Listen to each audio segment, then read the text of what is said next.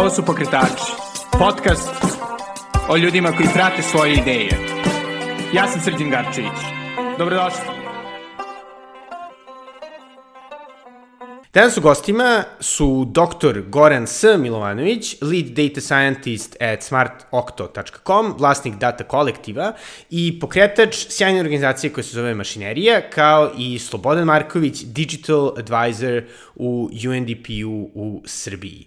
Sa Goranom i Slobom sam pre svega pričao o AI-u, e, pre svega u kontekstu Srbije i sličnih zemalja, o tome kako možete da ga koristite, o tome kako izgleda domaća zajednica koja se okuplja oko ovog sjajnog projekta koji se zove Mašinerija, kao i o raznim probojima, na primjer, koji je učinio Georgi Gerganov iz e, Dragenom Bugarske e, i uopšte o tome kako kao država i društvo možemo da iskoristimo e, ovu novu tehnologiju i da ju učinimo da bolje radi za nas. E, za slušalce koji ovo slušaju na radio aparatu, ovo je malo skraćena verzija. Integralnu verziju možete čuti preko Soundclouda i uopšte drugih platformi na kojima slušate pokretače, a možete naravno e, je čuti celu i još plus podržati me na patreon.com kosacrta Belgrade ili preko paypal.me kosacrta s Garcevic. Hvala puno svim divnim ljudima koji omogućuju da ovaj podcast nastavlja da radi.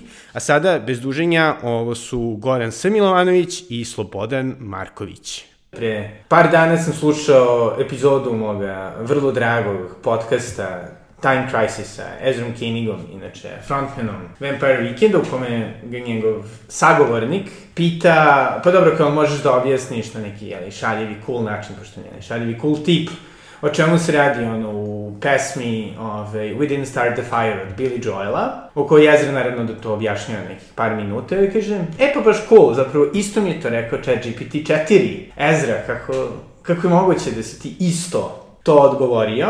E, gde onda se postavlja pitanje da li, da li ove, još da su potrebni ovako simpatični i cool podcast voditelji ako već ovaj, ChatGPT 4 može da, da, da je ista analiza. Ovaj, Gorane, da, postoji neki razlog zašto bismo mi ovde postojali? Da, do, do, dobro pitanje. Pa ja sam siguran da postoji da će uvijek ovaj, postojati kao paralelu e, današnji razgovor sa ovaj, jednim ovaj, mojim kolegom sa kojim se rađe moja konsultantska kuća, pa radimo po neka zajedno, neki treningi baš u ovim oblastima, da je science, machine learning i AI i ovaj, čovjek postavlja jedan komentar na LinkedIn, e, krajnje stručni ekspertski veze za matematičku statistiku i sad počinje naravno među naučnicima ono terenje bak na konac.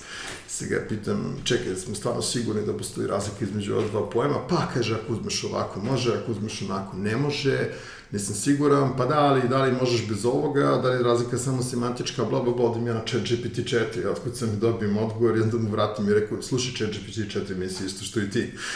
Čovjek mi odgovara, umiraći od smeka, kaže, sad si mi pomogao, bolje se osjećam mnogo.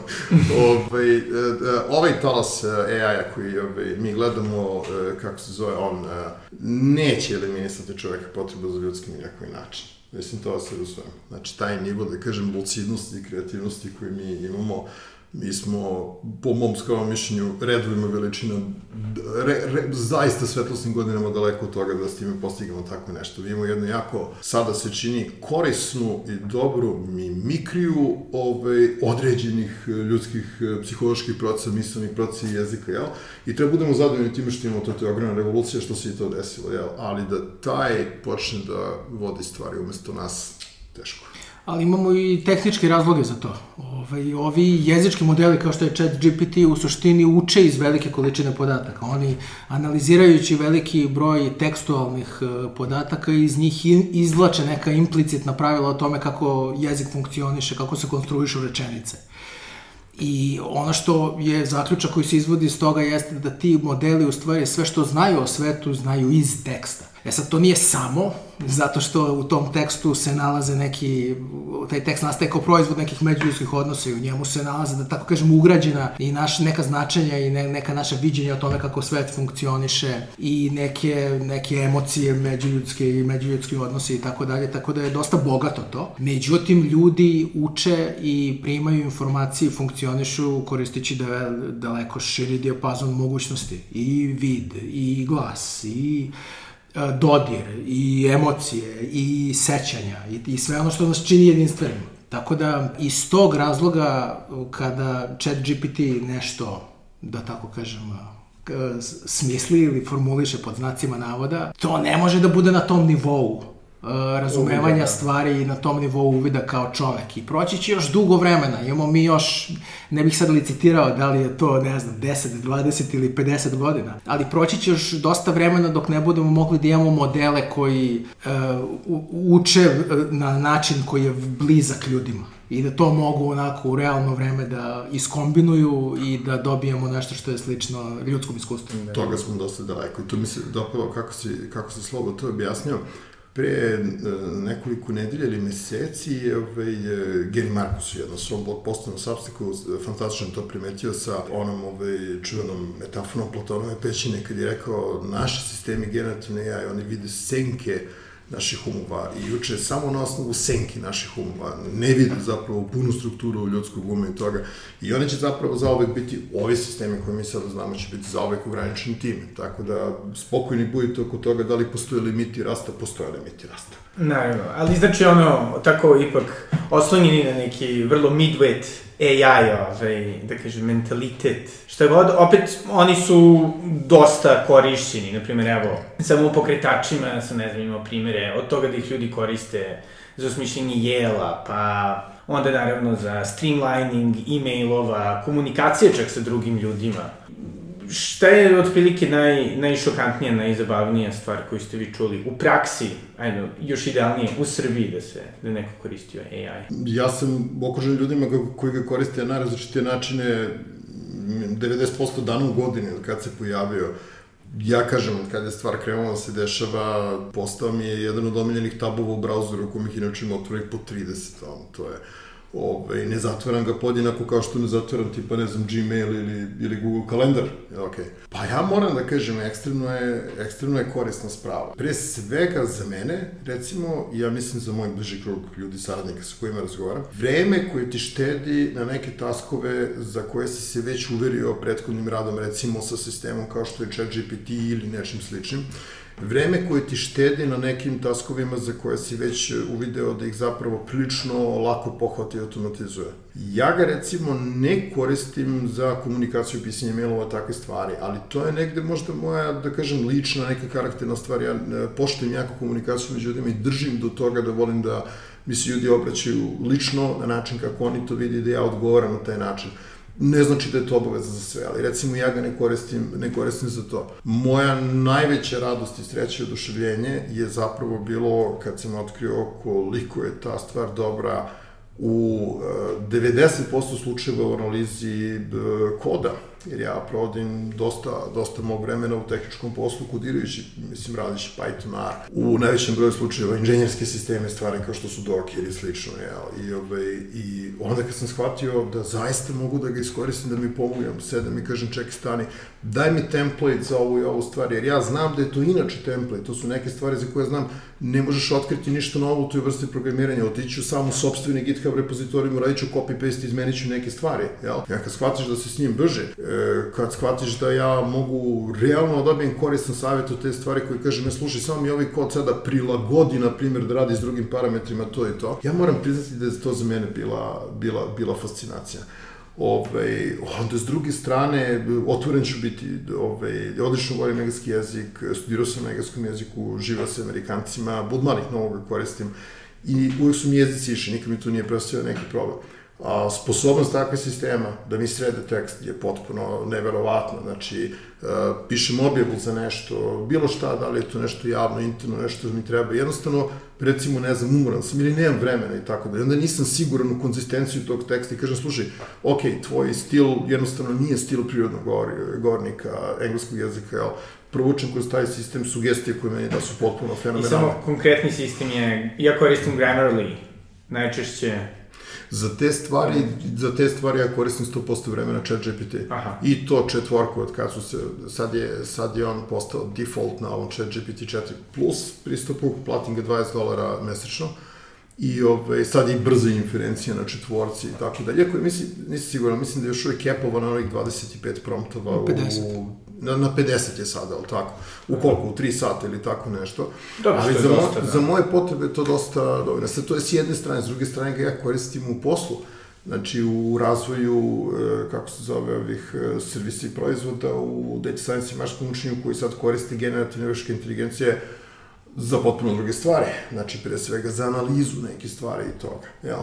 E sad, tu počinje cela, cela diskusija u kojoj meri će šta moći da uradi dobro, u kojoj meri će šta uraditi lošije, e, kako i na koji način ga poredimo s time šta bi neki ljudski analitičar uradio i tako dalje.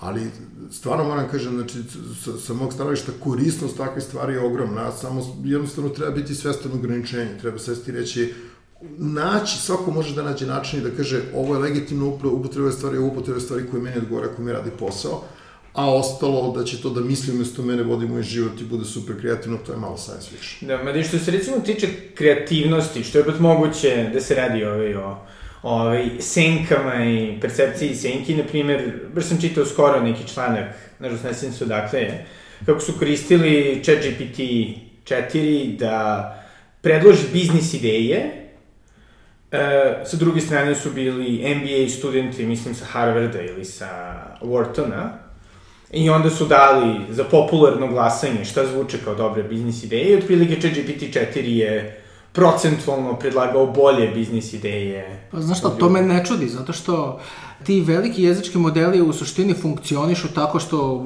prolaze kroz ogromne količine teksta i analiziraju ih u kontekstu. I ono što se desilo, čini mi se kao proboj, kao ona stvar koja ovo razdvaja od svega onoga što smo imali ranije je upravo ta mogućnost da ti modeli na neki način izvuku, da razumeju kontekst, da razumeju uh, značenje. I, I sad šta je posledica toga?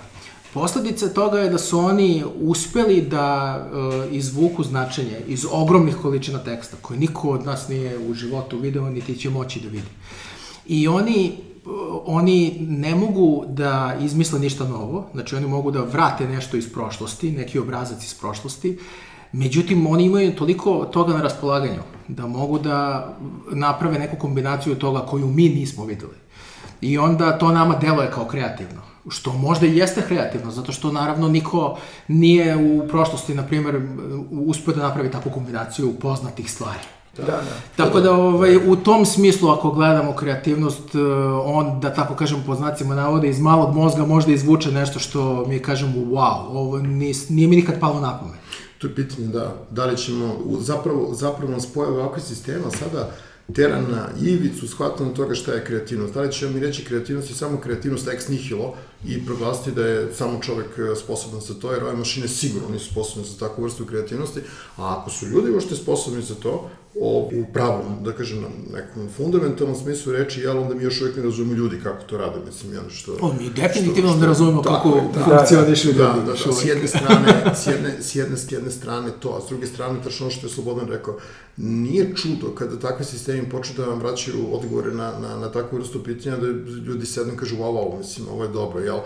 A pogotovo s njihovim napretkom, oni će vrlo verovatno ispite te vrste, da kažem tako, i gleda što samo s nekog akademskog aspekta prolaziti bolje od nas. Zašto? Tačno što je rekao Slobodan sada, oni su pod navodnicima pročitali više od nas, artikulišu više znanja nego što asocijativno pamćenje artikuliše bilo ko, ko od nas trojice ovaj, za, za stolom, bilo ko, bilo ko uopšte. E sad, jedne stvari se tu treba, treba čuvati, a to je zapravo vojiti računa koliko ćemo brzo da usletimo, uzletimo na krilima toga i počnemo osmijeno da ih koristimo za te stvari. Ne zaboravite jednu stvar, jel?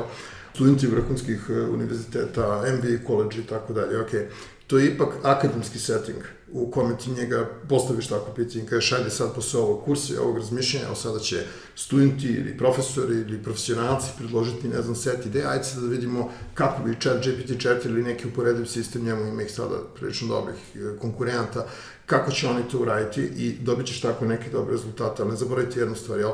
Ona biznis ideja koja na kraju zaradi milijarde se nije desila u učenici Whartona i nije se desila u učenici Harvarda. Ili ako se desila, redko kad se desilo to. Tako da, baš u tom domenu, da kažem, baš e, kreativnosti neke i, i razvoja novih ideja, tu sam najsumničaviji prema sistemu ove vrste. Jer onako površno to stvarno izgleda, kako se zove, jel, strahovita, da kažem, strahovito, kako mi to kažemo u psihologiji, slušao background knowledge, mislim, a to je jel, znači, prethodno znanje, ekspertiza, utemeljenost u raznim oblastima, ok, zajedno sa tom nedeterminističkom prirodom tih, tih mašina, ona to malo tvikuje i to stvarno izgleda kao da je kompletno kreativno ali najveće sumnje imam u to da li će one biti uspešno primjenjeni u oblastima kao što su copywriting, marketing, advertising, e, umetnosti neću ni da pomenim kao tako i slično, podcasting, tako je, mislim, baš zbog toga, znači oni su u stanju za vrlo moćne rekombinatorne, da kažem tako, aktivnosti semantičke, jel, koje još plus mogu da dotere i mogu, mogu da izvuku nešto, kako kaže Sloba iz malog mozga, što nama ne bi palo na pamet. Ali sve je to deo našeg zajedničkog korena u tom tekstu kojima smo mi njih ovaj, trenirali. Jel? Znaš, ti ćeš dobiti genijalni predlog za copywriting neke kampanje od chat GPT-4, ok. Ali to će sasvim sigurno biti samo frizirana najbolja kampanja koju su Coca-Cola i Pepsi ikada uradili. Ili Nike, ili neko. Jel ok? E, da. a ko je to uradio preko Coca-Cola i Pepsi, a Nike ili nekoga, neko mora se seti toga. Jeste. Ma da opet, da budemo ovaj, realista svako što se tiče medijsko copywriting, marketing posla, to je da zapravo dosta toga jeste rekombinacija stvari od ranije i da se ljudi uglavnom zadovoljavaju kopijama, nego vidjet ćemo kako će to da bude, ali čisto gore na meni je zabavno, pošto si ti, jeli, imao, imaš akademsku karijeru, svemu tome i onda, ali si u isto vreme, ono, naučio i da kodiraš, jeli, pošto obično ono fora kada se akademici žale na nešto i onda ih ove, ljudi iz privatnog sektora kažu learn to code, bro, la la la. Da, da, to su klasične peske neka. Ove, pa mislim da, da, da dosta zabavno, pogotovo sada kad neko deluje da svi mi ono, moramo da učimo, da kodiramo, čak i bili ono podcasteri makar, da se familiarizujemo. Kako, kako je lično tebe taj put, da kažemo, odveo ka... Pa slušaj, mislim, to je, to je jedno, to je priča koja je počela daleko prije mojih studija psihologije. Ove, ja sam programer od 80. godina. Prvi svoj kod programskom jeziku Basic sam pisao 1984. godine na svesci karijernog formata grafitnom olovkom. Do 1986. godine nisam ovaj, sticam okolnosti dobio moj prvi Commodore 64. A sve počelo prvim brojem računara, koji su Dejan Stanović i Voj Antonić napisali s leva na desno, Sloba klima glavom, jer za mnogi od nas je to počelo s time. I ja sam tada, ne znam, to je zasluga mog oca koji se potpuno nemotivisano ti je, vrat, je kupio taj broj računara, ovaj, doneo ga kući. Ali bio iz, da kažem, srodnih aktivnosti. Nešto čemu se radi. Ja sam bio od uh, malih nogu za zajedbinu nauku i ja sam pratio nedeljama, znači u momentu kad sam prerastao politikin zabavnik, koji sam nastavio da čitam i se obožavam taj časopis dan danas, ali ga ne čitam više. Ja sam pratio tadašnje izdanje Duge koje se zvalo Galaksija, to je jedan naših najboljih naučno popularnih časopisa yes. koje smo ikada imali.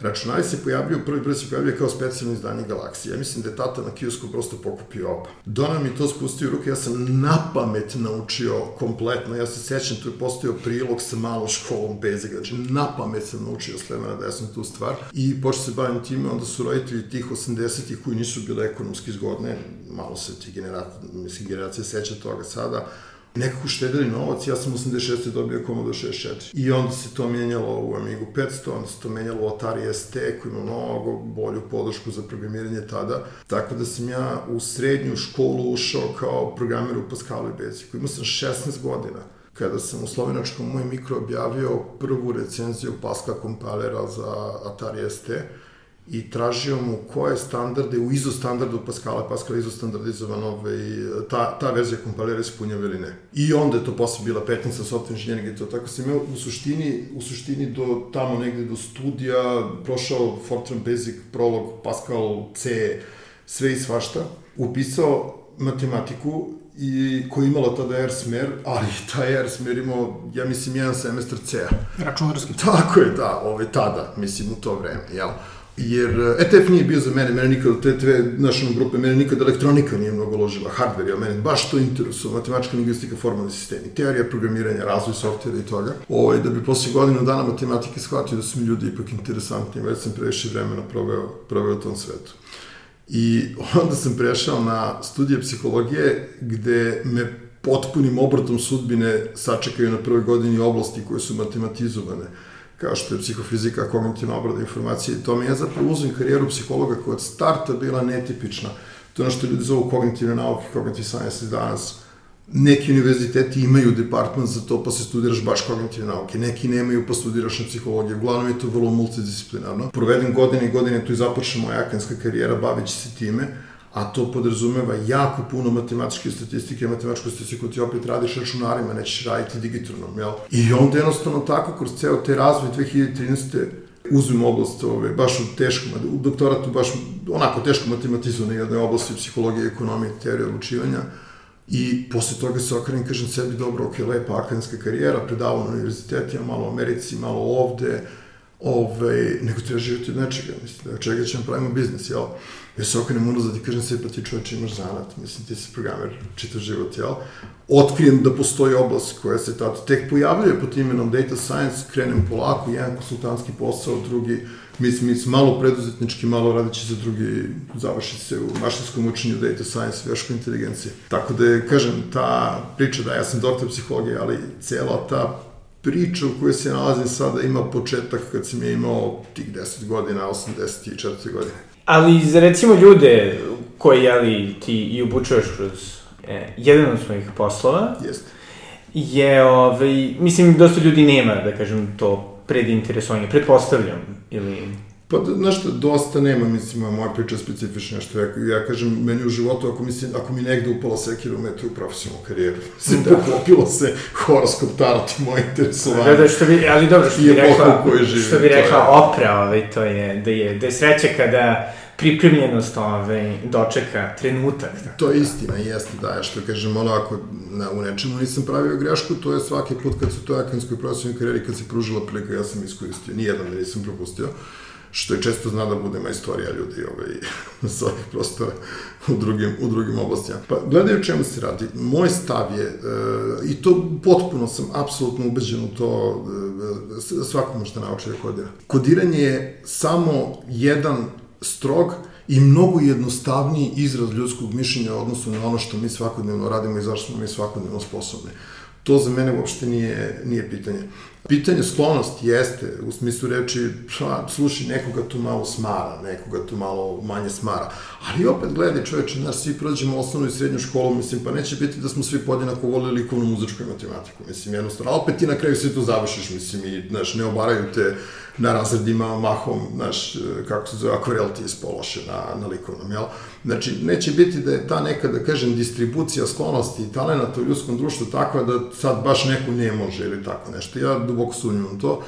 Ja mislim da to danas e, ozbiljno jeste i postaje deo informatičke pismenosti koja zapravo treba praktično da izgubi taj preznak informatičke, jer postaje jednostavno... Mi smo, pa, slušajte, mi smo jednostavno odavno postavili društvo koje, ne mislim na nas, srpsko društvo, globalno, jel, mi smo ljudi društva koji živi u simbiozi sa tehnologijom, mi smo sociotehnički sistem, oslanjamo se na nju svaki dan, nama je, pa uzmi ljudima mobilne telefone, internet, pa ih piti da li je život zamisliv. Mislim, ali vjerojatno će ti reći daj, mislim, ovo je pustinja, šta je, šta se dešava, jel? Tako da, po mom mišljenju, svi to mogu da nauče, mislim da bi školski sistem stvarno trebalo insistirati da se to radi od malih nogu, ne gurati ljude preko neke ivice, uopšte nemati ambicije, idemo svi u software inženjering, idemo svi u AI, ali osnovne principe, neki osnovni rad, apsolutno, mislim, ne vidim za kome to predstavlja neku prepreku. Druga stvar, danas sa ovom količinom znanja, pogotovo besplatnog, otvorenog znanja koje ti je dostupno preko interneta, čoveče, ti, kako da kažem, bre, samo sa materijalima, sa Khan Academy, dovoljno uporan čovjek, može sebe da napravi u stručnjaka koji će da uzme vrlo, vrlo ozbiljne pozicije u IT svetu danas. Jel, evo, baš da govorim, da kažem samo primjer, ova oblast u kojoj sam ja, data science, ona dosta se bazira na razumijenju teorije vratnoće i matematičke statistike, jel, okej. Okay. I samo kad pogledaš takav program, Khan Academy, potpuno otvoren, besplatan, pomišljeno fantastičan projekat, jel, treba ti malo interesovanje u upornost, jel okej, okay, i da sediš da učiš da kodiraš, da kodiraš uz to. Svataš, i ti ćeš u ne, nekom trenutku, bilo ko će stići do tog entry levela da kaže, pa mogu bi da počnem da tražim svoj prvi angažman, radim na mom prvom projektu, tražim moj prvi posao. Mislim da je, mislim da je le, lestvica ulaska u taj svet mnogo niža nego što se, ovaj, uh, uglavnom, da kažem, nego što je javna percepcija toga gde se ona nalazi. To je moje mišljenje. Da, i evo, Slobo, ovaj, možda isto, slušao se da ti ovaj, upoznaš se sa kako se razvilo tvoje interesovanje za tehnologiju i... Pa dobro, da je, Krula i ja smo Imao si slično. zapravo sjajan, ovaj, e, sjajno predavanje o istoriji interneta u Srbiji, koje ćemo linkovati posle, ali... Da, pa dobro, i mo, da. ja isto, uh, ok, nismo baš uh, i, isto godište, ali smo slično godište, ovaj, tako da uh, ja sam uh, dobio tamo negde u petom, šestom razredu baš tu galaksiju koju je pominjao Krole. I ovaj, to je bio moj prvi kompjuter, mada sam i, i, i gde sam naučio da programiram, znači u Basicu, ali je, uh, realno govoreći, mnogo sam više vremena provodio za Commodore i Spectrum igrajući igrice. Ove, I takođe i tu nešto malo programirajući, ove, tako da ove, pravi proboj, da tako kažem, je došao a, tokom ranih 90-ih kada sam dobio PC prvi i kada sam u stvari dobio modem koji mi je u stvari otvorio taj prozor ka onome što je tada bio mainstream, kao što je, ne znam, kao što su društvene mreže danas, tada su BBS-ovi, to jest ti sistemi koji se nazovu telefonom, i ovaj e, onda se ovaj i slično kao danas ovaj e, može da se pristupa nekim fajlovima da se don, downloaduju neke stvari može da se priča sa nekim ljudima. Ovaj uglavnom je tada moglo da se priča samo sa vlasnikom tog sistema zašto je bila veza 1-1 bilo je vrlo malo onih BBS-ova koji su imali više paralelnih linija kao što je tad bio na primjer Sezam najveći koji ima možda ne znam 30 linija pa 30 ljudi se nakači pa pričaju onako međusobno razmenjuju poruke. Ove, ali meni je to stvarno bila fascinantna ova priča, tako da sam preko toga ušao u tu uh, priču sa, u stvari, računarskim mrežama. Tokom kasnije 90-ih, dosta vremena sam provodio sa tom nekom uh, ekipom sa BBS-ova koju sam upoznao u računskom centru ETF-a, tadašnja uh, direktorka pokojna Srbijanka Turojlić nas je puštala tako klinci iz gimnazije da, mislim, provodimo vreme u računskom centru ETF. Iako nismo bili studenti. I ovaj, a, takođe ovaj, pokojni moj drugar Dragan Večerina koji je bio administrator jednog od tih servera da mi je otvarao naloge. Tako da smo ovaj, tada prvi put mogli da se prijavimo na neki ozbiljni ovaj, Unix operativni sistem i da pristupamo internetu.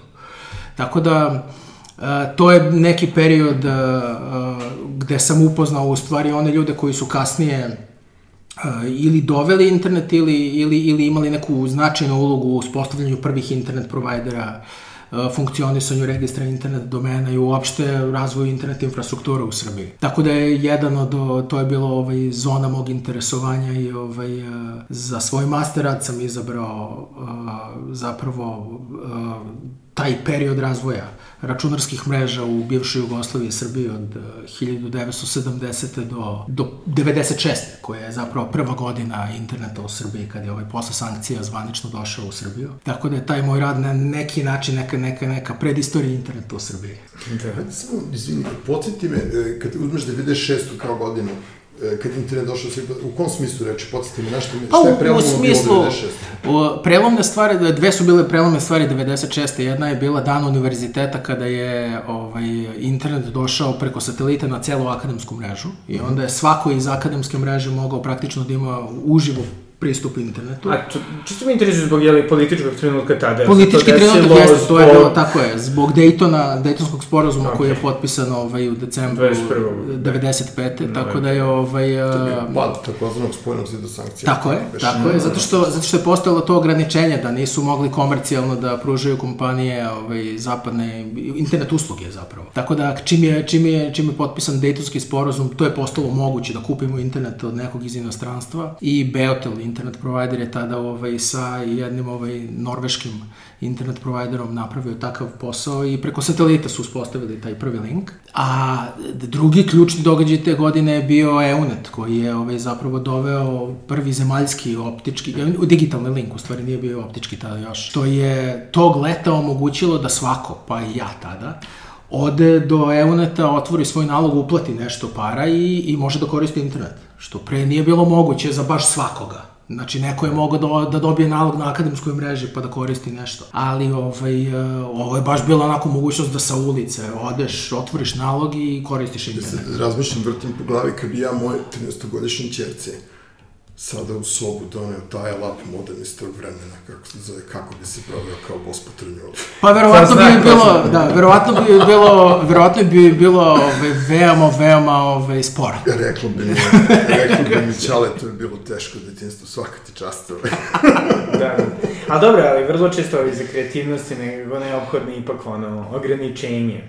Pa motivišu, slušaj. Mislim, to je pa, da. uvek, bilo tako. Kad smo već kod ograničenja, ali mi se i da je nalazimo u Srbiji, fantastičnoj zemlji, ali ovi koja svakako možda baš nije tu sa Silikonskom dolinom što se tiče razvoja. Ne bi da trebalo očekivati da bude.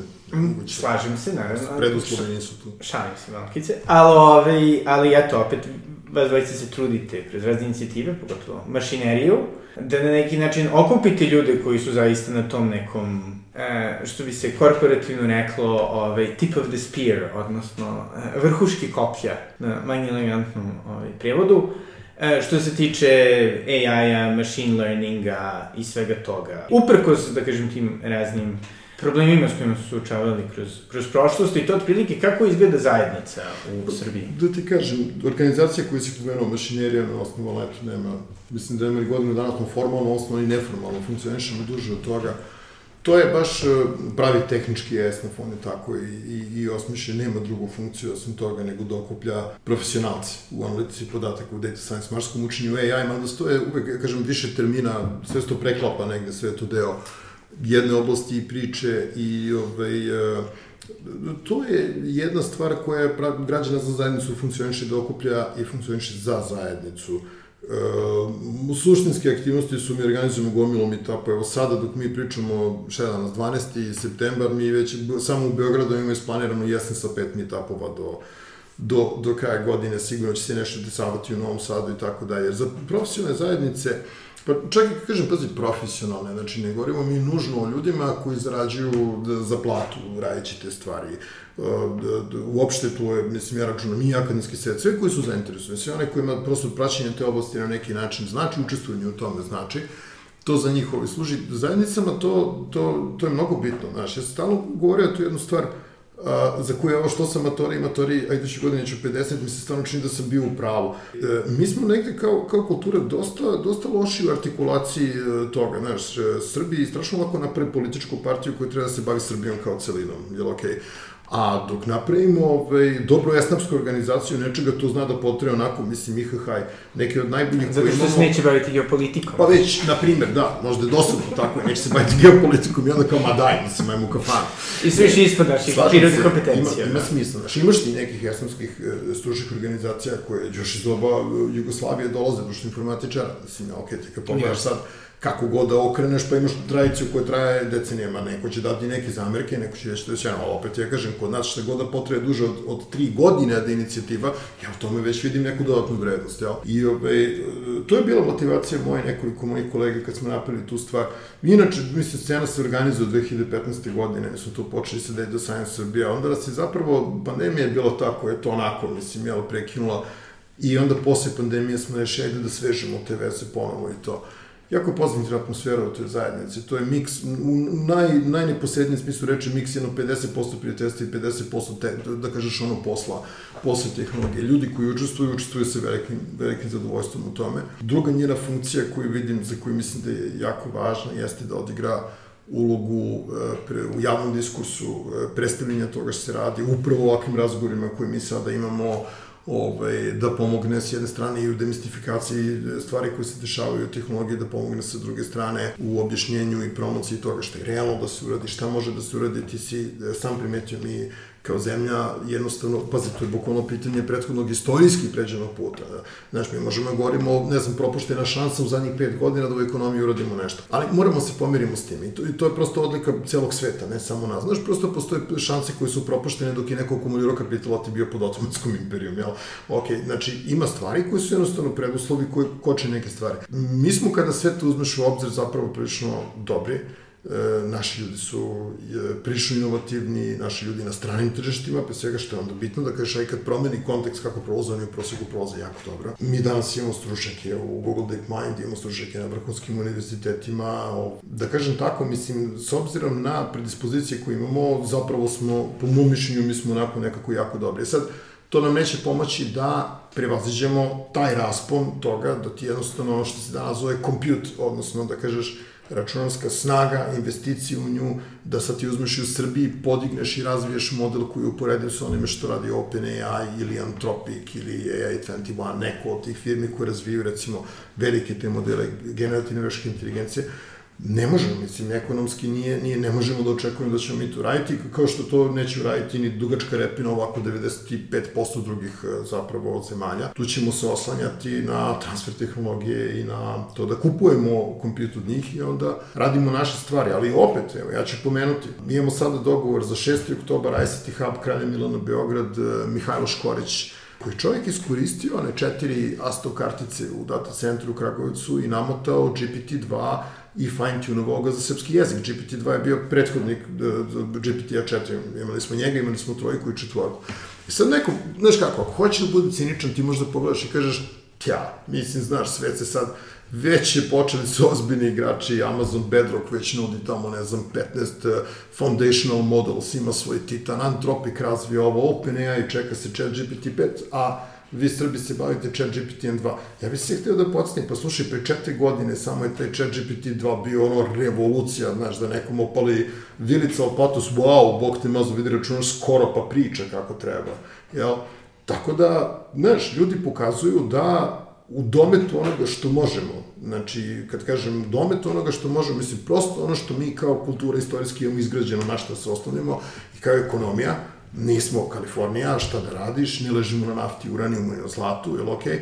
Ali kad se dohvatimo da uradimo nešto, mi taj lip, taj skok napravimo vrlo, vrlo brzo, onako, mislim, i uspešno. A interesantno mi je takođe i ovo što se desilo u poslednjih eh, godinu i po dana, to je veliki priliv uh, stručnjaka iz Rusije i Ukrajine takođe, ne. koji su ovaj, u velikom broju došli ovde i baš su uh, na vrhunskom nivou u, u oblasti data science i veštačke inteligencije i, i deluje mi da dosta njih u stvari vidimo na, skup, na okupljenjama iz mašinerije. Gledaj ovako, znači, meni su već počeli uh, drugi delovi, da kažem, IT zajednice, ako kažemo da je sad ceo taj data science, machine learning, AI deo, zapravo deo šire naše naše IT zajednice, ovaj, ja sam počeo da dobijem pitanja kako, kako ste uspeli da izvršite tu integraciju sa ruskim komunitijem, pošto mi Da, što jeste zapravo da, zanimljivo, ja.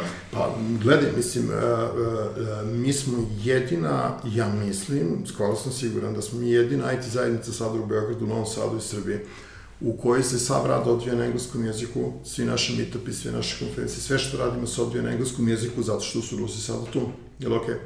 Ove, I do te integracije je došlo potpuno spontano. Drugi delovi IT zajednice mi kažu, mi ih znamo, ali nekako i dalje tu postoji, postoji ruska zajednica, kako se zove UX eksperata, postoji naša, pa sad nekada komuniciraju. Postoji, ne znam, ruska web zajednica naša, pa onda ponekad nešto, nešto komuniciraju, možda i urade zajedno, jel? Kod nas je došla totalna integracija tako što smo se ovaj, jedan sjajan mladi ovaj, stručak u, u oblasti koja se zove Machine Learning Operations, šta god se bilo da ne ide u tehničke detalje, Mihajlo Roškov ja, mi smo se upoznali negde krajem, uh, ajde, sjeti se gore, sad je 2023. ili tako, pa to je morala biti prošle godina, 2022. je li tako? Ove, tako što mene kontaktirao i pitao me prosto, čekaj, ti organizuješ ove, ove meetupe u taj naš Data Science Club, kako nam se kao zove, taj brand meetupa. Ove, ja sam rekao da, i kao ja bih volao pričati na tom meetupu, ja sam dobrodošao. Ove, I odmah se setim i rekao Rusi E, koliko ti imaš ovaj, ortaka, kolega, prijatelja ovde koji se bave ovim stvarima kojima se mi bavimo? I on mi kaže, koliko hoćeš, mislim, ono, masu, ko peska u Sahari. I ovaj, mi smo tada organizovali u Startitu jedan meetup da se upoznamo bukvalno. I tada pitali smo se kako sad, taj, kako ćemo to naći, ja smo rekli, ja, slušaj, ajde, evo konačno prilika za ono što je jako bitno, ajde kažemo, to je Data Expats Community, ovaj, kako se zove ovaj, u, u Beogradu, jel? Održali smo taj jedan, upoznali se, počeli da izlazimo po kafanama, da razmenjamo šta ko radi, čime se bavi, postali ortaci, ja iskreno u Ruskoj Data Science zajednici imam 4-5, najmanje 4-5 odličnih prijatelja sada s kojima se družim nevezano za posao. I to isto veče posle toga smo rekli, uh, ok, na ruski predlog, smo rekli, ok, ovo se više neće zvati ekspat, nema smisla, jer mislim, očigledno smo, kako se zove, svi u, u istom poslu, engleski jezik znamo, razumemo se i ajde. A influx uh, uh, ruskih stručnjaka ovde, uh, oni su uh, digli su ekspertizu i nivo i standarde upravo u MLOps priči dosta. Dosta može tu da se nauči od njih, vrlo otvoreno dele znanje ovaj, sa nama vrlo lepo sarađuju s jedne strane, s druge strane, svi koji su došli su vrhunski inženjeri i stručnici, što što nije iznenađujuće, to ono što je zapadno tržište ovaj, njima znalo i pre toga. Druga stvar, o, treba shvatiti, mislim, 95%, 100%, one koje ja znam i 95% tih ljudi e, rade ovaj, sa zapadnim tržištem od Kalifornije do, do Nemačke, oni su to ljudi radili i Petrogradu i Moskvi i Sočiju, već dakle su, dakle su došli. Tako da za njih to nije predstavljalo neku promenu okruženja, ali je, kažem, ta integracija išla potpuno spontano i seamless do te mere da su digitalna Srbija, tada mi pitao, kaže, ajde, ajde što nam ne održiš predavanje o tome kako ste to napravili, ajde, ono, community building, kako ste izgradili da. tu zajednicu, kaže, nema, nema mnogo puno šta ti predajem, nije bilo veštine izgradnje zajednice, upoznali se s ljudima, shvatili se, počeli da radimo i sad radimo kao jedna priča. Ne, kao što je primetila naša ovaj, zajednička prijateljica, koleginica Kristina, ali isto, Primila kako veliki problem dosta inicijativa u Srbiji, to zašto su isključivo na srpskom ili kako god zajedničkom jeziku, te po prirodi stvari dosta su regionalno fokusirane, a ne globalno. E, vidi, dozvolim samo, sada ću, mislim da kažem nešto iz e, lične perspektive, zato što je istina. Od 2015. godine, od spilike kad počinje organizacija naše data science scene i ove, ovaj, tu smo pokrenuli seriju i Belgrade R meetupa specializovani za programski jezik R, i napravili Data Science Srbija našu, našu prvu organizaciju. Od 2015. godine, kako kaže Ameri, Bog mi je svedok, ja pričam ljudi, meetupe na engleskom, blogove na engleskom. Srpski jezik je divan, ok, i naš jezik, jel? Ali ako ti te stvari danas radiš u svetu samo na srpskom jeziku, to bukvalno vidimo nas petorica, petnestorica, pedesetorica koji se tu pojavimo i, i o tome pričamo. Jel? Ja moram da kažem, mi smo i to mene zna da živcira vezano za, za srpsko, srpsko neko postavljanje prema, prema stvarima, to je, mi smo prilično lenji da se pomerimo za te stvari, lenji smo, jel, i, i često znamo, čak smo istorijski često znali da budemo zemlja, kad gledaš u kojoj ozbiljne promene dođu, tek kad je istorijski rep ovako ošinje sa strane, jel, sami da ustanemo i kažu, a da menjamo nešto, mi smo uglavnom ono, nemoj, ide dobro i ovako. To je 1904. ali dobro.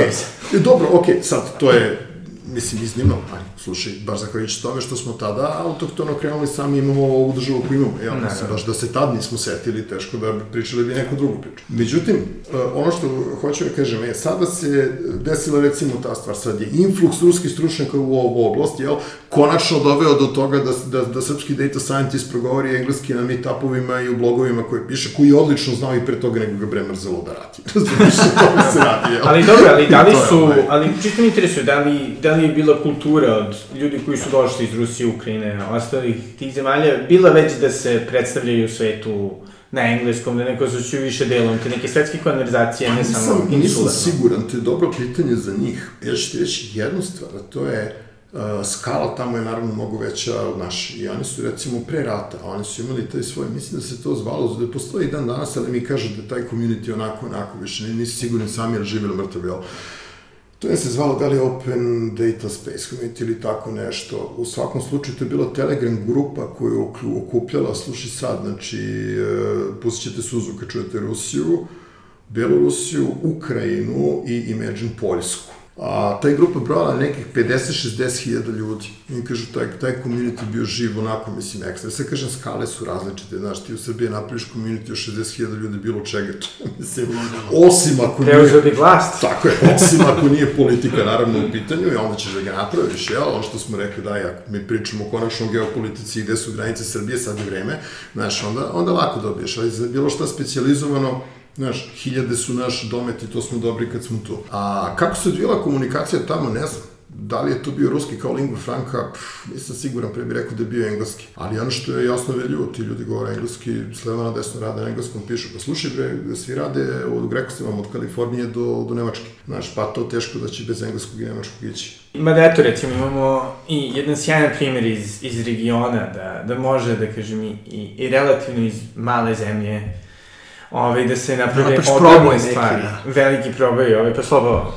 Pa jeste, ima taj primer koji je moje omiljene, ovaj, eh, omiljenih heroja ove tekuće AI revolucije globalne. Mm Georgi Gerganov i ove, njegova ekipa iz Bugarske Sofije, oni su u suštini, bavili su se, bavio se on i ovaj, načinima kako da ove velike jezičke modele koji su zaista zahtevni u smislu hardvera na kome funkcionišu, e, oni u suštini daleko od toga da mogu da se izvršavaju na običnim kompjuterima, potrebne su um, veliki broj računara da bi se ove, izvršili ti modeli, da bi se oni istrenirali, ali uh, njega je mučio taj problem kako da to spustimo na, na, na nešto što imamo mi na neki laptop ili ne daj Bože na neki telefon. I da ne moramo budemo non stop prikačeni na internet, nego da to sve može da radi ovaj, bez interneta. Tako da je ovaj, on eh, se bavio tim uh, pitanjem i izbacio je sad tokom marta meseca uh, jedan uh, projekat otvorenog koda koji je postavio na internet i omogućio de facto da da, da ti po najbolji jezički modeli funkcionišu i da mogu da se izvršavaju istina sporije, ali da mogu da se izvršavaju na nešto malo jačim laptopima. Da. Što, Ove, što je čisto slušalcima da objasniš, otprilike koji su tipovi problema koje oni sada mogu da reše? Ne, oni, znači, slično kao chat GPT, znači, ti možeš da postaviš neko pitanje i on će da ti odgovori, to će da bude nešto možda malo sporije i nešto možda malo manje kvalitetno, ali to je to. I uh, to, ta vrsta uh, takozvanog pomeranja mogućnosti da ti na, na, na, na, na, na kućnim računarima i na mo, prenosivim mobilnim telefonima možeš da dobiješ tu vrstu inteligencije, tu vrstu podrške. Da, na primjer, ne znam, Siri ili onaj OK Google bude mnogo pametniji nego što je sada i da mnogo bolje razume stvari, uh, menja stvari suštinski. Kako ne? I sama činjenica da će nešto što će doći za nekoliko godina, Znači, za nekoliko godina ćeš imati tu mogućnost da ćeš imati mnogo pametniju Siri na telefonu. Da, se, da, da je to sagrađeno, da je ta vrednost sagrađena na ne, nečemu što je izbacio neko iz Sofije u martu 2023. godine je neverovatno. Znači, to i dalje pokazuje da ti možeš da napraviš neki proboj.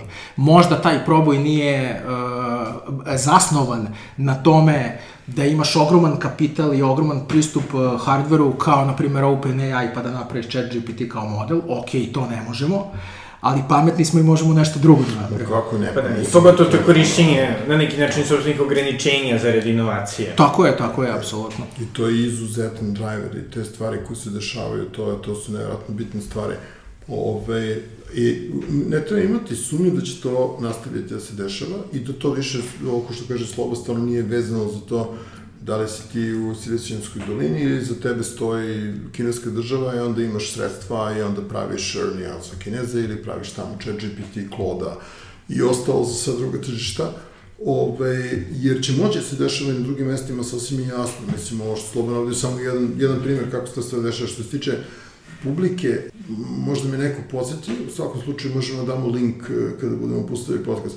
Da li se taj sistem zove OpenGPT ili se, jel tako, je OpenGPT? OpenGPT, eh, evo ja ću reći, znači ja sam ga svukao, imam onaj prvi Mac Air sa M1 Silicon procesorom, ovaj, da on sriče, ali on prati na vašem laptopu. Ti ćeš dobiti inferenciju tu i treba shvatiti koliko to magično to već može se desiti na laptopu. Što se tiče toga, da li će se to dešavati dalje? Da li će stići do vaših laptopova i mobilnih telefona? Pa ako samo pogledate istoriju tehnologije prethodnih nekoliko decenija, moj odgovor je apsolutno nema sumnje da hoće. Iako mi sada ne znamo kako, ali evo postoje inovacije, upravo što je Slop rekao se desilo ali apsolutno sam siguran da hoće. Ranih 90. godina sam Microsystems je bio čuven po svojim radnim stanicama, je li tako? Ove, nije mogu svako sebi da ih priušti vrhunski univerziteti, vrhunske firme, to bi upravo za neko ko, bi, koji je tada bi bio neki data scientist eh, i tako dalje, bile idealne mašine da rade. Znači, sećate ljudi koliko ste stvari koštale, mislim, pa da su bile ono preko 10.000 dolara, počinju ozbiljni modeli, ako se ja sećam. Da, sad svi imaju mobilni okay. telefon u džepu. To sam teo da kažem, ti sad spustiš, evo, mekiće na sto ili jači Lenovo ThinkPad i jedeš za doručak E, tu stvar. Tako da će se to desiti, to vreme ide, ide sigurno. I ono što je upravo dobro jeste tu više tehnološki onda determinanta nije samo masa.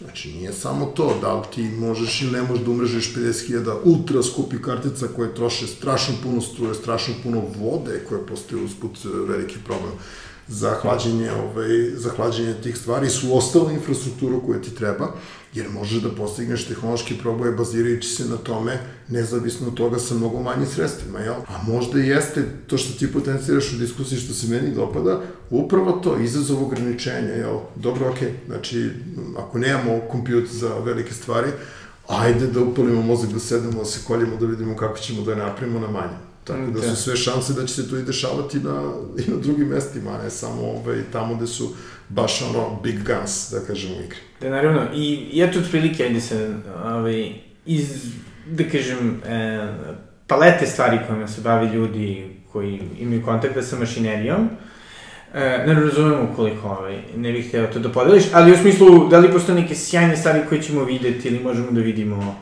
odmah da se poigramo s njima? Pazi ovako, znači ljudi koji se, prvo, mislim, mašinerija je velika zajednica, najmanje 400 i nešto stručnjaka se vrti oko mašinerije, to je jedna stvar. A druga stvar, sam core tim, mi se bavimo bukvalno organizacijalnim stvarima. Tu i rekli, aj, mi ćemo preuzimo logistiku na sebe, kad u kom prostoru, šta se dešava, kako je državamo kontakt, evo, tih sedam ljudi, mi smo svi profesionalci zaposleni u tome, neki od nas imaju svoje privatne firme koje rade te stvari, ovaj, e, e, ono što, ono što bi apsolutno, mislim, za svakog, mislim da će biti spektakularno, to što sam već najavio, 6. oktobra Mihajlo Škorić, ovaj, ICT Hub, čekam samo da mi se potvrdi datum, da vidimo kako je čovek na četiri asto kartice namotao kako se zove GPT dvojku. I kako da ovaj, da namotamo trojku. I kako da, i ne može da, nam treba da namotamo trojku? Juče, I on mi ispravi, ja sam ovaj, pogrešno verovao da je GPT-3 ovaj, open source eh, sistem, ima kaže, ali nažalost nije. A. Nije, kaže, dvojka je bila posljednji pravi njihov open source. Trojka bi rekao mi, kaže, imaš tamo neke klase modela koji jesu, koji su to uporedive snage, ali nije to to. Kaže, trojka, kaže, nam to bi ja to, ali nema. nije, nije open source. I... Ove, a, kako se to, mislim da će biti sigurno spektakularno. Druga stvar je zajednicu, znači šta što ne pričamo, ne postoji samo mašinerija, mašinerija je tehnika community, slušajte ljudi, krajem novembra meseca u, u orkestru našeg prijatelja i kolege Aleksandra Linca i njegove ekipe Data Science Conference, jedna od najvećih konferencija Data Science u svetu koja uopšte postoji. Ove, gostovaće mnogi sjajni ljudi, između ostalih Kesi Kozirkov, koja je ove, moja koleginica psihologa, chief decision scientist Google-a, to je uopšte jedan od najuticajnijih glasova danas uopšte u celoj priči o AI i machine learning. Ove, to se dešava u Sava centru, tu negde tamo 20. 20, oko 20. Jeste, to je vjerojatno najveća domaća IT konferencija uopšte. To je najveća domaća IT konferencija sada uopšte i, ove, i ono što je sigurno, ona je i dalje godinama stabilno u top 10 e, najveće konferencije u toj oblasti u svetu. To se dešava, to se dešava u Beogradu. Tako I otvorit će Sava centar. Inovativno. Pa na neki način, da. Pa ne znam da li će otvarati Sava centar, ali... Mislim da će ranije možda malo bude otvoren. Da. Ali jedno od prvih. Jedno od prvih da, konferencija. Da. A sada, o, Slobo, pošto ti jedan od redkih ljudi koji ima, da kažem, i tog nekog institucionalnog iskustva i naravno, vrlo često kad god se dešava neka, neka nova stvar u Srbiji, uvek je pitanje šta, kako država da uradi nešto, Ove, ovaj, pa koje je recimo tvoje viđenje? Kako institucionalno, pogotovo u manjim zemljama, može da izgleda podrška i rast. Znaš šta, ja prvo moram da kažem jednu stvar i da je naglasim. A to je da mi sad ulazimo u jedno doba kada će, kada imamo po prvi put te e, suštinski nove mogućnosti, da čak i na, na prenosnim računarima, ali svakako imamo mogućnost kao takvu, da prevodimo glas u tekst, da razumemo tekst, znači da obradimo tekst i da ga zaista razumemo pomoću računara i da generišemo govore. I te tri mogućnosti, kao neke suštinske, fundamentalne, gradivni blokovi, kao Lego, možemo da kombinujemo u sasvim nove stvari u potpuno nove aplikacije, u potpuno nova korisnička iskustva, u potpuno nove uh, nešto što ti izgovoriš, onda generišeš neku sliku, generišeš neki zvuk, obradiš i razumeš taj tekst na neki način, prevedeš uh, neki dokument koji je ranije bio uh, nestrukturiran u nešto strukturirano i tako dalje. Znači možeš da se igraš i da manipulišeš uh, stvarima na novi način. To otvara jednu ogromnu industriju, to ćemo tek da vidimo narednih godina, gde uh, ja mislim da mi treba da učestvujemo na neki način. Pre svega da uradimo nešto za sebe, da počnemo... Treba da uradimo nešto za sebe, ali zašto otvaram priču ovim? Zato što je to sa po, uh, političke tačke gledišta veoma značajno za naše društvo i u ekonomskom smislu. Uh, ima još naravno posledica raznih toga, po jeli, bezbednost, politički sistem i ostalo, ali da se sad ograničimo samo na ekonomski. Tu se naravno postavlja pitanje i jezika zato što jedan deo ljudi, veliki deo ljudi u suštini je zainteresovan za globalno tržište i upućen na globalno tržište i tamo će uglavnom da barata engleskim jezikom.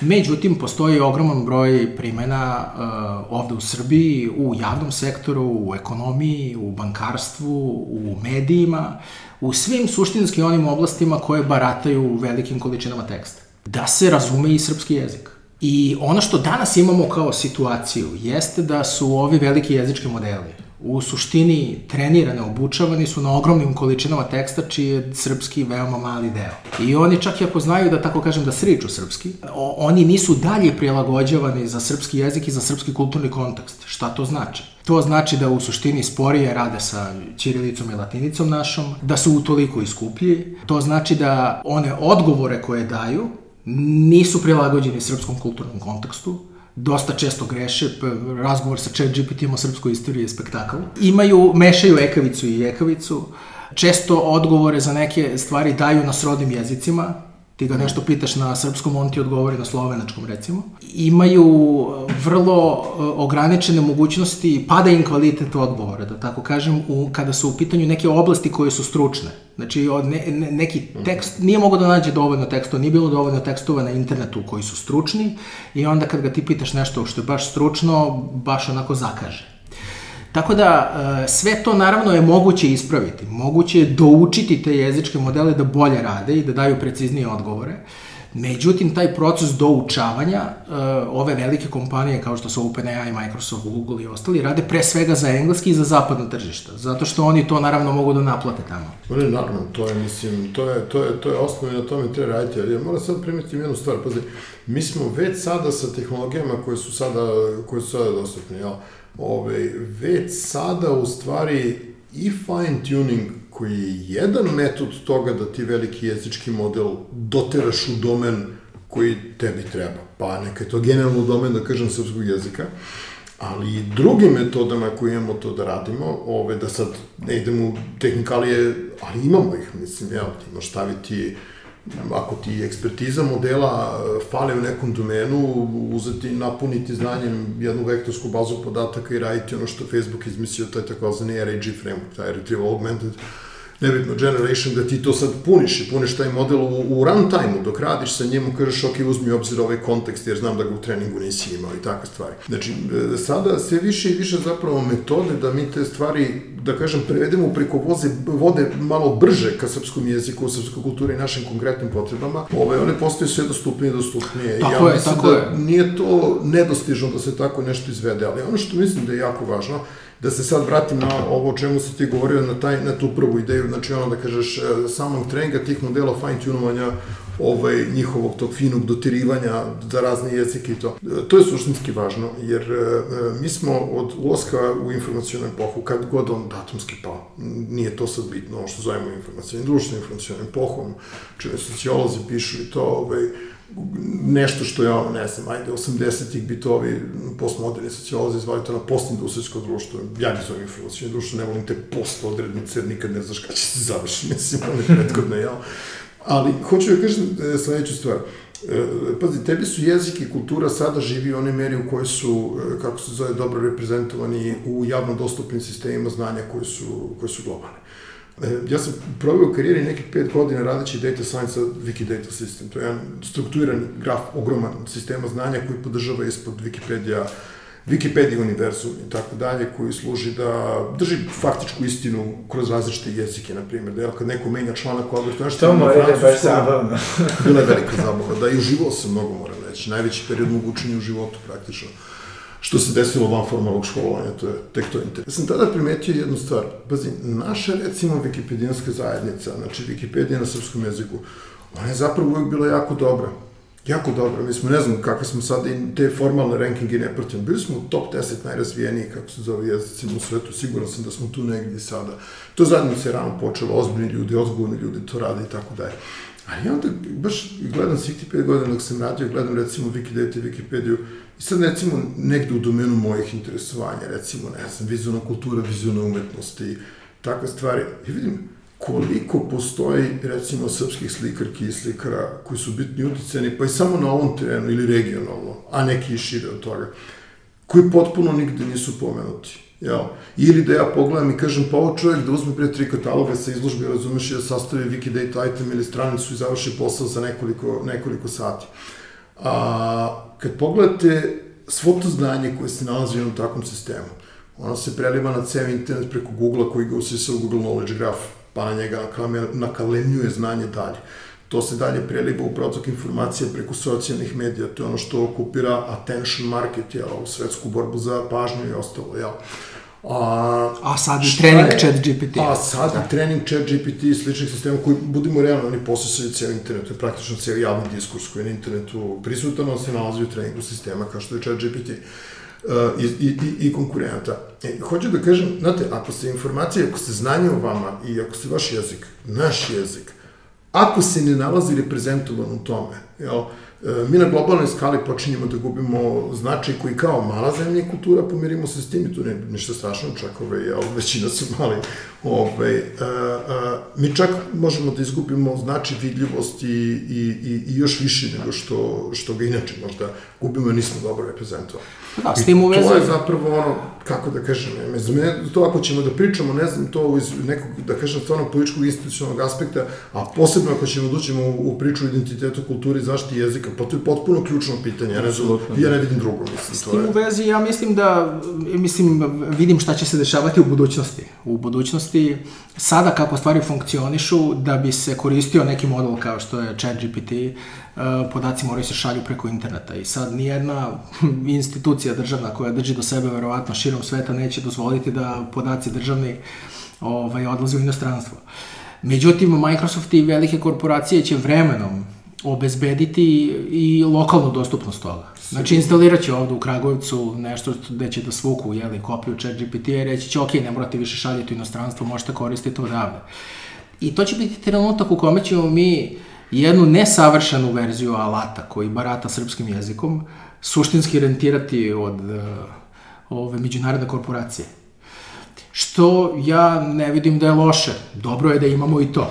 Međutim, ako zaista želimo da uh, sačuvamo našu kulturu i da imamo mnogo bolji kvalitet toga i da ne zavisimo od drugih, da imamo neku alternativu i da obezbedimo suštinski našu poziciju i kvalitet onoga što, što ovaki modeli izbacuju, mislim da treba da ulažemo u ove stvari i da imamo jedan državni program podrške jezičkim tehnologijama koji će da obezbedi da uh, mi imamo audio korpuse, da mi imamo tekstualne korpuse, što za obučavanje ovih modela, što za njihovo uh, tunovanje.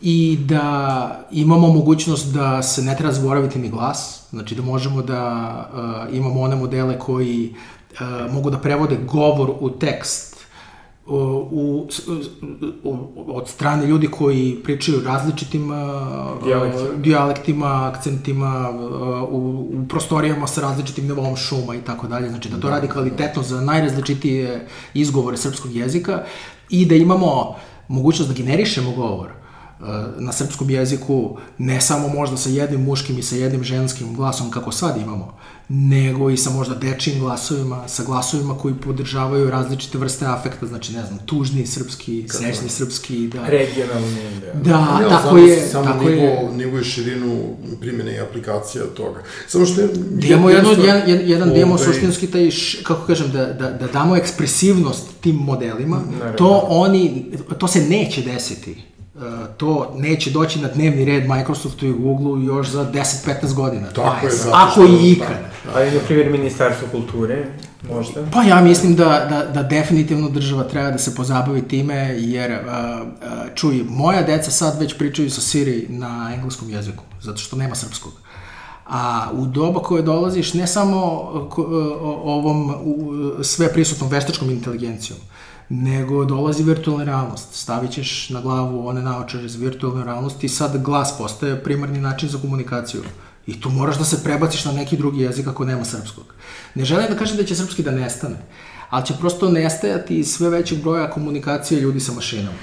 Pa da, I... evo koliko anglicizam i ovde koristimo i prosto što nismo posvajali. Tako da, tako da mislim da, da, da se od, dolazi jedna novo doba, dolazi jedno, jedno, jedno doba gde imamo mogućnost da ove, ostvarimo ove, velike, velike, velike ove, pogodnosti na raznim frontovima. Uh, ali mislim da moramo da mislimo o, o našem jeziku i kulturi i da obezbedimo da, da, da, da sve ono dobro što dolazi sa tom tehnologijom funkcioniše za srpski i, i siguran sam da to ne može niko drugi osim nas da uredi. Da ne, to i to se da, niko drugi da. osim nas neće cimati upravo zbog toga što si već primetio, to je, mi smo jednostavno za velike igrače koji sebi te igre mogu dostupe, mi smo jednostavno jedno sitno tržište i mi ćemo biti pa, zadnja da. rupa na svirali iz jednostavnog razloga što raditi nešto na srpskom nije pretredno profitno, znači to ćemo Ili mi da uradimo ili neće niko, s tim što ja recimo, ne znam, možda za razliku od tebe, možda, možda i nisam dobro shvatio poziciju, ja nemam uopšte toliko zaziranja i straha od toga što će to biti bazirano na tehnologiji koje neko drugi razvija. O, ne, ja- apsolutno,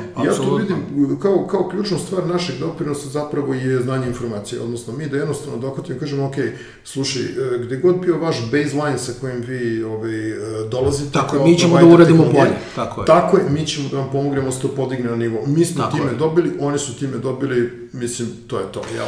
Nešto što bi Ovaj- trebalo, ono što si malo prepomenuo, nešto što bi, znači, ako bismo pričali o ovakvom nekom projektu, da naučiš mašinu da dobro razume srpski jezik. Pre 6-7 godina to bi bilo onako prilično intenzivno, ali sada je postalo izvodljivo. I postaje izvodljivo, i postaje će sve više i I više. postojeće sve više i više Da, izvodivo. da. Ali moramo time da se bavimo. Ja ovo pričam zato što je nivo angažmana sistemskog na ovome trenutno blizak nula. Možemo mi da se složimo zapravo oko toga, ono koliko ja vidim trenutno koja je državna quote strategija, quote vezana za to, Uh, čini mi se da postoji neko raspoloženje da se radi na spremnosti za to, da se prošire resursi, čuo se da se očekuje značajno proširenje kapaciteta data centra u Kragovicu i tako jeste. dalje. Čuo sam i neke konkretne brojeve, ali pošto su prosto čašinske priče, da kažem, neću da ih delim sad javno, jer ćemo da vidimo šta je. Ove, uh, taj, kažemo, mislim, ok, makar se angažuje oko toga da se stvore resursi sa, sa kojima se radi, jel, to je ove, jedna stvar.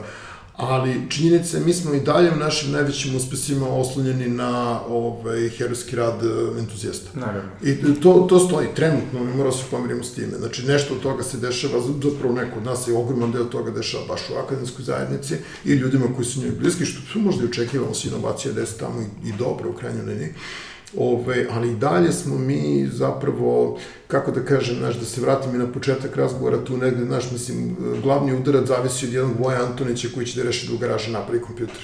Ove, ili od čoveka koji će da sedne i kaže daj koji je najveći jezički model koji nove tehnologije zna da se ove, može da se isfura i to.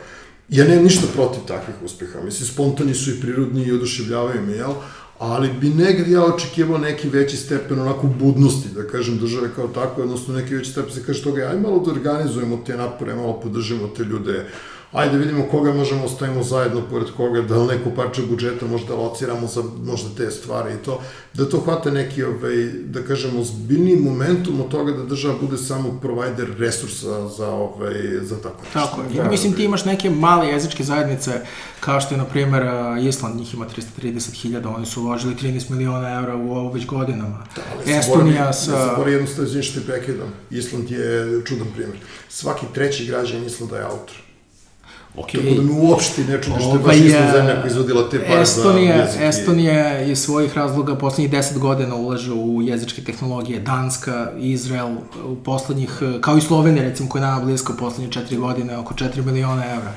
Ove godine su mnoge zemlje pokrenule svoje projekte kao što je recimo Južna Koreja, Švedska, Japan i tako dalje. Tako da ovaj, e, ne bih rekao da kasnimo, ali mislim da treba mnogo više se posveti Da, ovaj, pažnja ovoj, ovoj temi. Samo ne treba zapustiti, postoji prilika dobra. I čini se da resursi potrebne da tako nešto rade, postaju sve dostupni i dostupni. I onda samo ne treba pustiti da ta stvar onako se slegne i ode negde u prašinu i počne se bavimo nečim drugim. Da. To I evo kako ste pomenuli ovaj, Voju Antonića i naravno Galaksiju, što biste rekli da bi sada za, za klince ovaj, koji eto, možda slušaju pokretače ili či roditelji možda slušaju pokretače, što mislite da bi bio ekvivalent toga vezan za, za AI kao neki prvi Znaš kako, ti kažem, danas je javni diskurs i, i scena javna su medijska su prosto nebo i zemlja u odnosu na nešto o čemu mi možemo da pričamo o početku ove, 80-ih, tih, da, zajednice korisnika mikrokompjutera 80. godina ove, u, u, u Beogradu, pa čak i 90. godina. Znači, to je baš baš danas je, kako da kažem, danas je dostupnost informacija redovima veličina veća. Mislim da današnje generacije imaju mnogo, mnogo veći izbor ovaj, u tome, čak više postaje problem zapravo čemu posvetiti pažnju, ovaj, a šta, ovaj, da kažem tako, izbilterisati i reći, ok, ovo nije, odluke negde postaju, dostupnost je veća, odluke postaju teže po tom pitanju. Mislim da se mlađe generacije iskreno nalaze u, u odličnom položaju da uči da napreduju. Mislim da se nalaze u, mnogi među njima u fantastičnom položaju da kliknu sa tom i, i ove, srodnim pričama, A ponovit ću ono što sam rekao, ja i lično iskustvo me u to uverilo i rad sa drugim ljudima, mislim da je lestvica za ulazak u taj svet niža nego što može da vam se čini. Ako se posvetite samo, kako se zove tome, kako se tehnologije reklamiraju, kako se o tome priča, koji je neki globalni diskurs o tome, uzmite u obzir i tu se ljudi vrti pare i tu advertising radi i sve to izgleda kao spaceship, jel ok, okay, jel? Ali s druge strane, ono što svima kažem, znaš, što pre otvoriš laptop i počneš sam da čukaš i kolješ se, boriš se, rbiš se sa nekim problemom, makar bio pretežak za tebe, to si ti više na pravom putu i brzo ćeš stići tamo i brže nego što misliš ćeš stići tamo. Tako da sada za mlađe generacije ja ne mogu da povučem iskrenu analogiju sa tim vremenom. Pa Kako Dobro, se zove ja, ovaj... Znaš šta, Voja Antonić je uradio uh, uh, tu stvar koja je tada postala dostupna. Znači, ono što se tada desilo je. jeste da su, da. da su, bila je ta revolucija mikroračunara i ovaj, računari su konačno postali dostupni i, i mal, malog formata i postali su dostupni najširem krugu ljudi. Uh, Ovaj, pre toga su oni postojali oni mainframe-ovi ovaj, i nešto manji mini računari koji su opet bili i skupi i veliki. Tako da je Voja Antonić bio proizvod tog vremena. Ne. I iskoristio je tu stvar i tu mogućnost koja se ukazala tada. Mislim da možda uh, slično nešto treba razmišljati i sada. Mi dobijamo novu mogućnost. Dobijamo mogućnosti E, rada sa glasom, nove mogućnosti rada sa tekstom, mogućnosti da se slike generišu i video da se generiše samo na osnovu tekstualnog opisa. I kombinovanje tih stvari kombinovanje tih mogućnosti će da, da, da dovede do eksplozije nekih novih aplikacija u narednih, ne znam, 5-6-7 godina. Tako da, razmišljajući u, u, u, u smislu toga šta je novo ono što nam donosi tehnologija i kako to možemo da ukombinujemo na neki novi način, mislim da ima smisla razmišljati na takav način pre nego u smislu da li ću da naučim ovaj ili onaj programski jezik.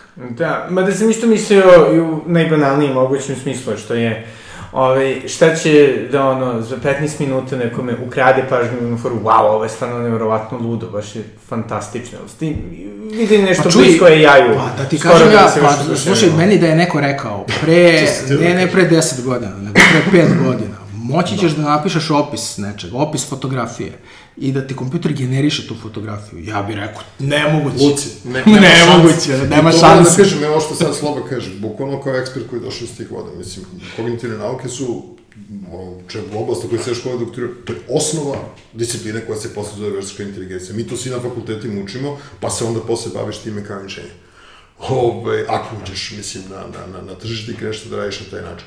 Apsolutno, to, to je nešto što je rekao Jeffrey Hinton uh, uh, nekoliko nedelja posle napuštenja Google ove godine. Jednostavno, cela ova stvar je došla prebrzo. Kaže, fascijan s time, da mi je neko rekao da ćemo na ovom nivou biti, pre neko posto čovjek dobitnik Turingove nagrade za, dubog učenje, mislim, jedan od ljudi, ne znaš da li je veći u istoriji veštačke inteligencije ili kognitivne psihologije, ti Jeffrey Hinton, ovaj, u, u, čovjek od kraja 70. godina, ako ne od sredine 70. godina, ovako top elitni naučnik u, u, u oblasti E čovjek kaže da me neko pitao pre neku godinu kada ćemo biti na ovom nivou na kom smo danas, ja bih mu rekao pa možda za desetak, 15 godina sa ovim razvojem stvari, kaže evo go rukama od prošlog novembra, ovak ti mislim, ja.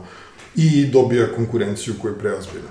Ne znam šta bi fascinantnije moglo da bude, iskreno rečeno. Šta znači, nešto da koristite za generaciju slika? Midjourney? Da, najviše, sam, najviše sam na, ovaj, na, na Midjourneyu. To je vrlo interesantno zapravo. Neće mi iznenajiti ako se bude pokazalo da je otklanjanje nekih problema u generativnim sistemu veštačke inteligencije, su uopšte svi sistemi koje sad imamo, da se ovaj, a, pokaže da je e, ispravno generisanje, generisanje vizualnog materijala i kvalitetno generisanje vizualnog materijala po instrukcijama teži problem nego ovaj koji se dešava sa ovaj, jezikom. Jel mala neka odstupanja, greške, poneka halucinacija u sistemima koji, se, koji rade samo sa, sa jezikom, jel? To lakše negde i prođe zbog načina na upotrebe jezičke informacije, jednostavno koristiš dosta konteksta i onda možda podneseš i ako je nešto loše kvalitete i nešto prolazi, jel? Ali ove, ovaj, kad ti Midjourney ili bilo koji sistem koji iz instrukcije iz prompta generiše sliku kad ti napravi ruku sa šest prsti i tri noge ispod stola za ove, ovaj, čoveka koji sedi na seminaru, to se odmah vide. Upravo kod tih sistema se vidi šta je tačno to što asocijativnom učenju ljudskim mrežama fali do prave, do, do prave inteligencije. On nema, u pravom smislu reči, nema vizualnu gramatiku, ne razume fiziku objektivnog sveta, onako kao što je naš mozak razume. To je interesantno pitanje, ovako, jako i teorijski za budući ženske razvoje, sigurno. Ja, da, eksperimentisao sam sa mnogim, ja to takvim, svaki s kojim mogu da se ovaj, poigram, ovaj, poigram se, ali da, za mene Midjan ima fascinantne rezultate. To kad sam vidio, baš sam onako gledao, rekao... Jeste, i mnogo je napredo tokom proteklih godina dana. Ovaj. Ja takođe koristim servis koji se zove Quillbot, koji uh, služi za parafraziranje teksta. I ovi generativni jezički modeli su u suštini sjajni za, u, za te situacije gde nije neophodno da očekujete njih tačnost, nego onako da variraju nešto. Tako da u ovom konkretnom mom slučaju je vezano za tačnost engleskog, znači da za tečni da, da, engleski. Vi mu date neki nesavršeni engleski i on ga učini da bude onako tečan. A može naravno da parafrazira i nešto drugo, može da ga učini da bude, ne znam, komičan ili, više formalan, može da ga skrati, produži i tako dalje. Tako da ovaj, to su neke mogućnosti koje bih volao, na primjer, da vidim i za srpski jezik takođe. Da. Ne, ne, kažem, znači, mom, Pogotovo što je bilo sve zbog naše prilično teške gramatike i pravopisa.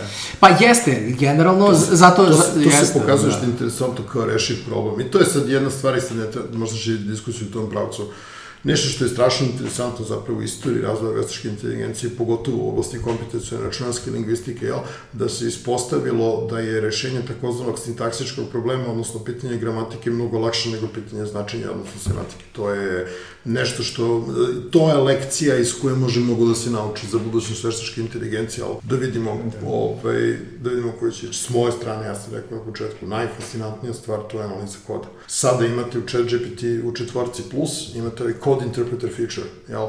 Ove, ovaj, pa ja sam se prestravio, znači, uzmeš, uzmeš i uploadaš mu tabelu podataka i zamoliš ga, molim te mi radi nešto što mi u stici zovemo eksplorativnu analizu ovih podataka, napišem izveštaj toga sa Python kodom, sa grafikonom izlazi ispred mene, ja to prvi put kad sam je upalio, počeo da ne gledam i rekao, Gorane, izgubio si posao, gotovo je.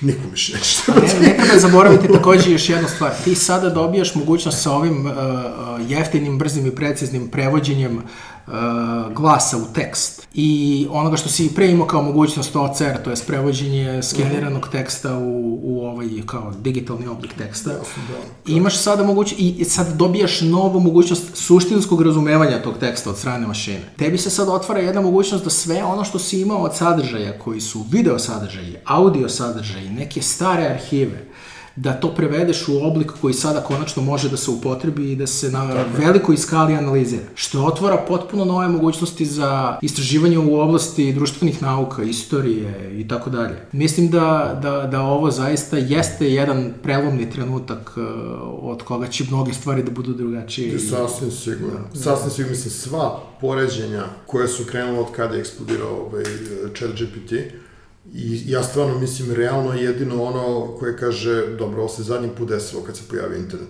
To je bio, to je bio globalni bum tih razmera. Ova stvar kad se desila, ja mislim da ne, ne može uporediti ni sa čim drugim u prethodnih ovih koliko, 30 godina, ali tako, od kad mi imamo zapravo web. Da, i kao ljudi koji su na neki način bili jedni od pionira interneta u Srbiji, a to šta biste rekli budućim pokretačima, za kraj? Kako da iskoriste ovaj, zabavni moment. Pa, i, ono što je moja osnovna poruka, ja mislim da, da, da ljudi treba uvek da zagrebu ispod tehnologije i da se ne naviknu na to, mi se previše lako naviknemo na neke stvari koje postanu deo naših života. Kad pogledamo, kad otvorimo telefon i pogledamo te ikonice, mi imamo utisak kada su one tu stalno a one nisu bile tu pre 15 godina. I, i imaćemo nešto potpuno drug, drugačije za 15 godina. E, tako da, e, razumevanje kako dolazimo do toga da su one baš takvog rasporeda, koje tu i koje snage oblikuju uopšte sve to i kako ta tehnologija funkcioniše ispod haube. Mislim da je vrlo važna stvar koja, koja ovaj, e, najveći broj ljudi prolazi u stvari onako ne razmišljaju uopšte u tome. Kao, znaš, vozimo auto, ne znamo uopšte kako on funkcioniše. Šta je Ili vozimo se u avionu, ne znamo znači, kako funkcioniše, ok, sve je magija ali mislim da, da je ovaj, da, da u stvari ove mašine veoma i u sve većoj meri utiču na to kako mi komuniciramo, posreduju našu komunikaciju. I da je jako bitno razumeti na koji način se to dešava i ovaj, da razumemo kako to funkcioniše, kako možemo da ga upotrebimo na našu najveću korist i naravno da se zaštitimo od ovaj, štetnih posledica koje svakako postoje. Mo, mislim, moja poruka, mm, ono što sam i radio čitav život, ovaj, a to je kad vidiš stvar koja te pokreće, kad vidiš stvar koja te motiviše, kad vidiš stvar koja te interesuje, tog momenta uzmi u ruke i počne da rasklopaš i razmišlja o tome kako ćeš da napraviš svoju bolju. Znači, tog momenta. Ja sam čitao život, uživo u tome, ubiđen sam da ogromnu količinu oživljenja donosi, donosi bilo kome. I ono što sam rekao, kako god gledao tu stvar, lestvica za ulaz u te stvari je niža nego što ti se čini. Ako ti se čini da je ambis između tebe i vrhunske tehnologije nešto što ne može da se prevaziđe i nešto u što se tebi ne isplati da, da uložeš energiju, znanje i vreme, razumeš, 100% grešiš. Ako te pali tog momenta uzmi u ruke počinje da praviš.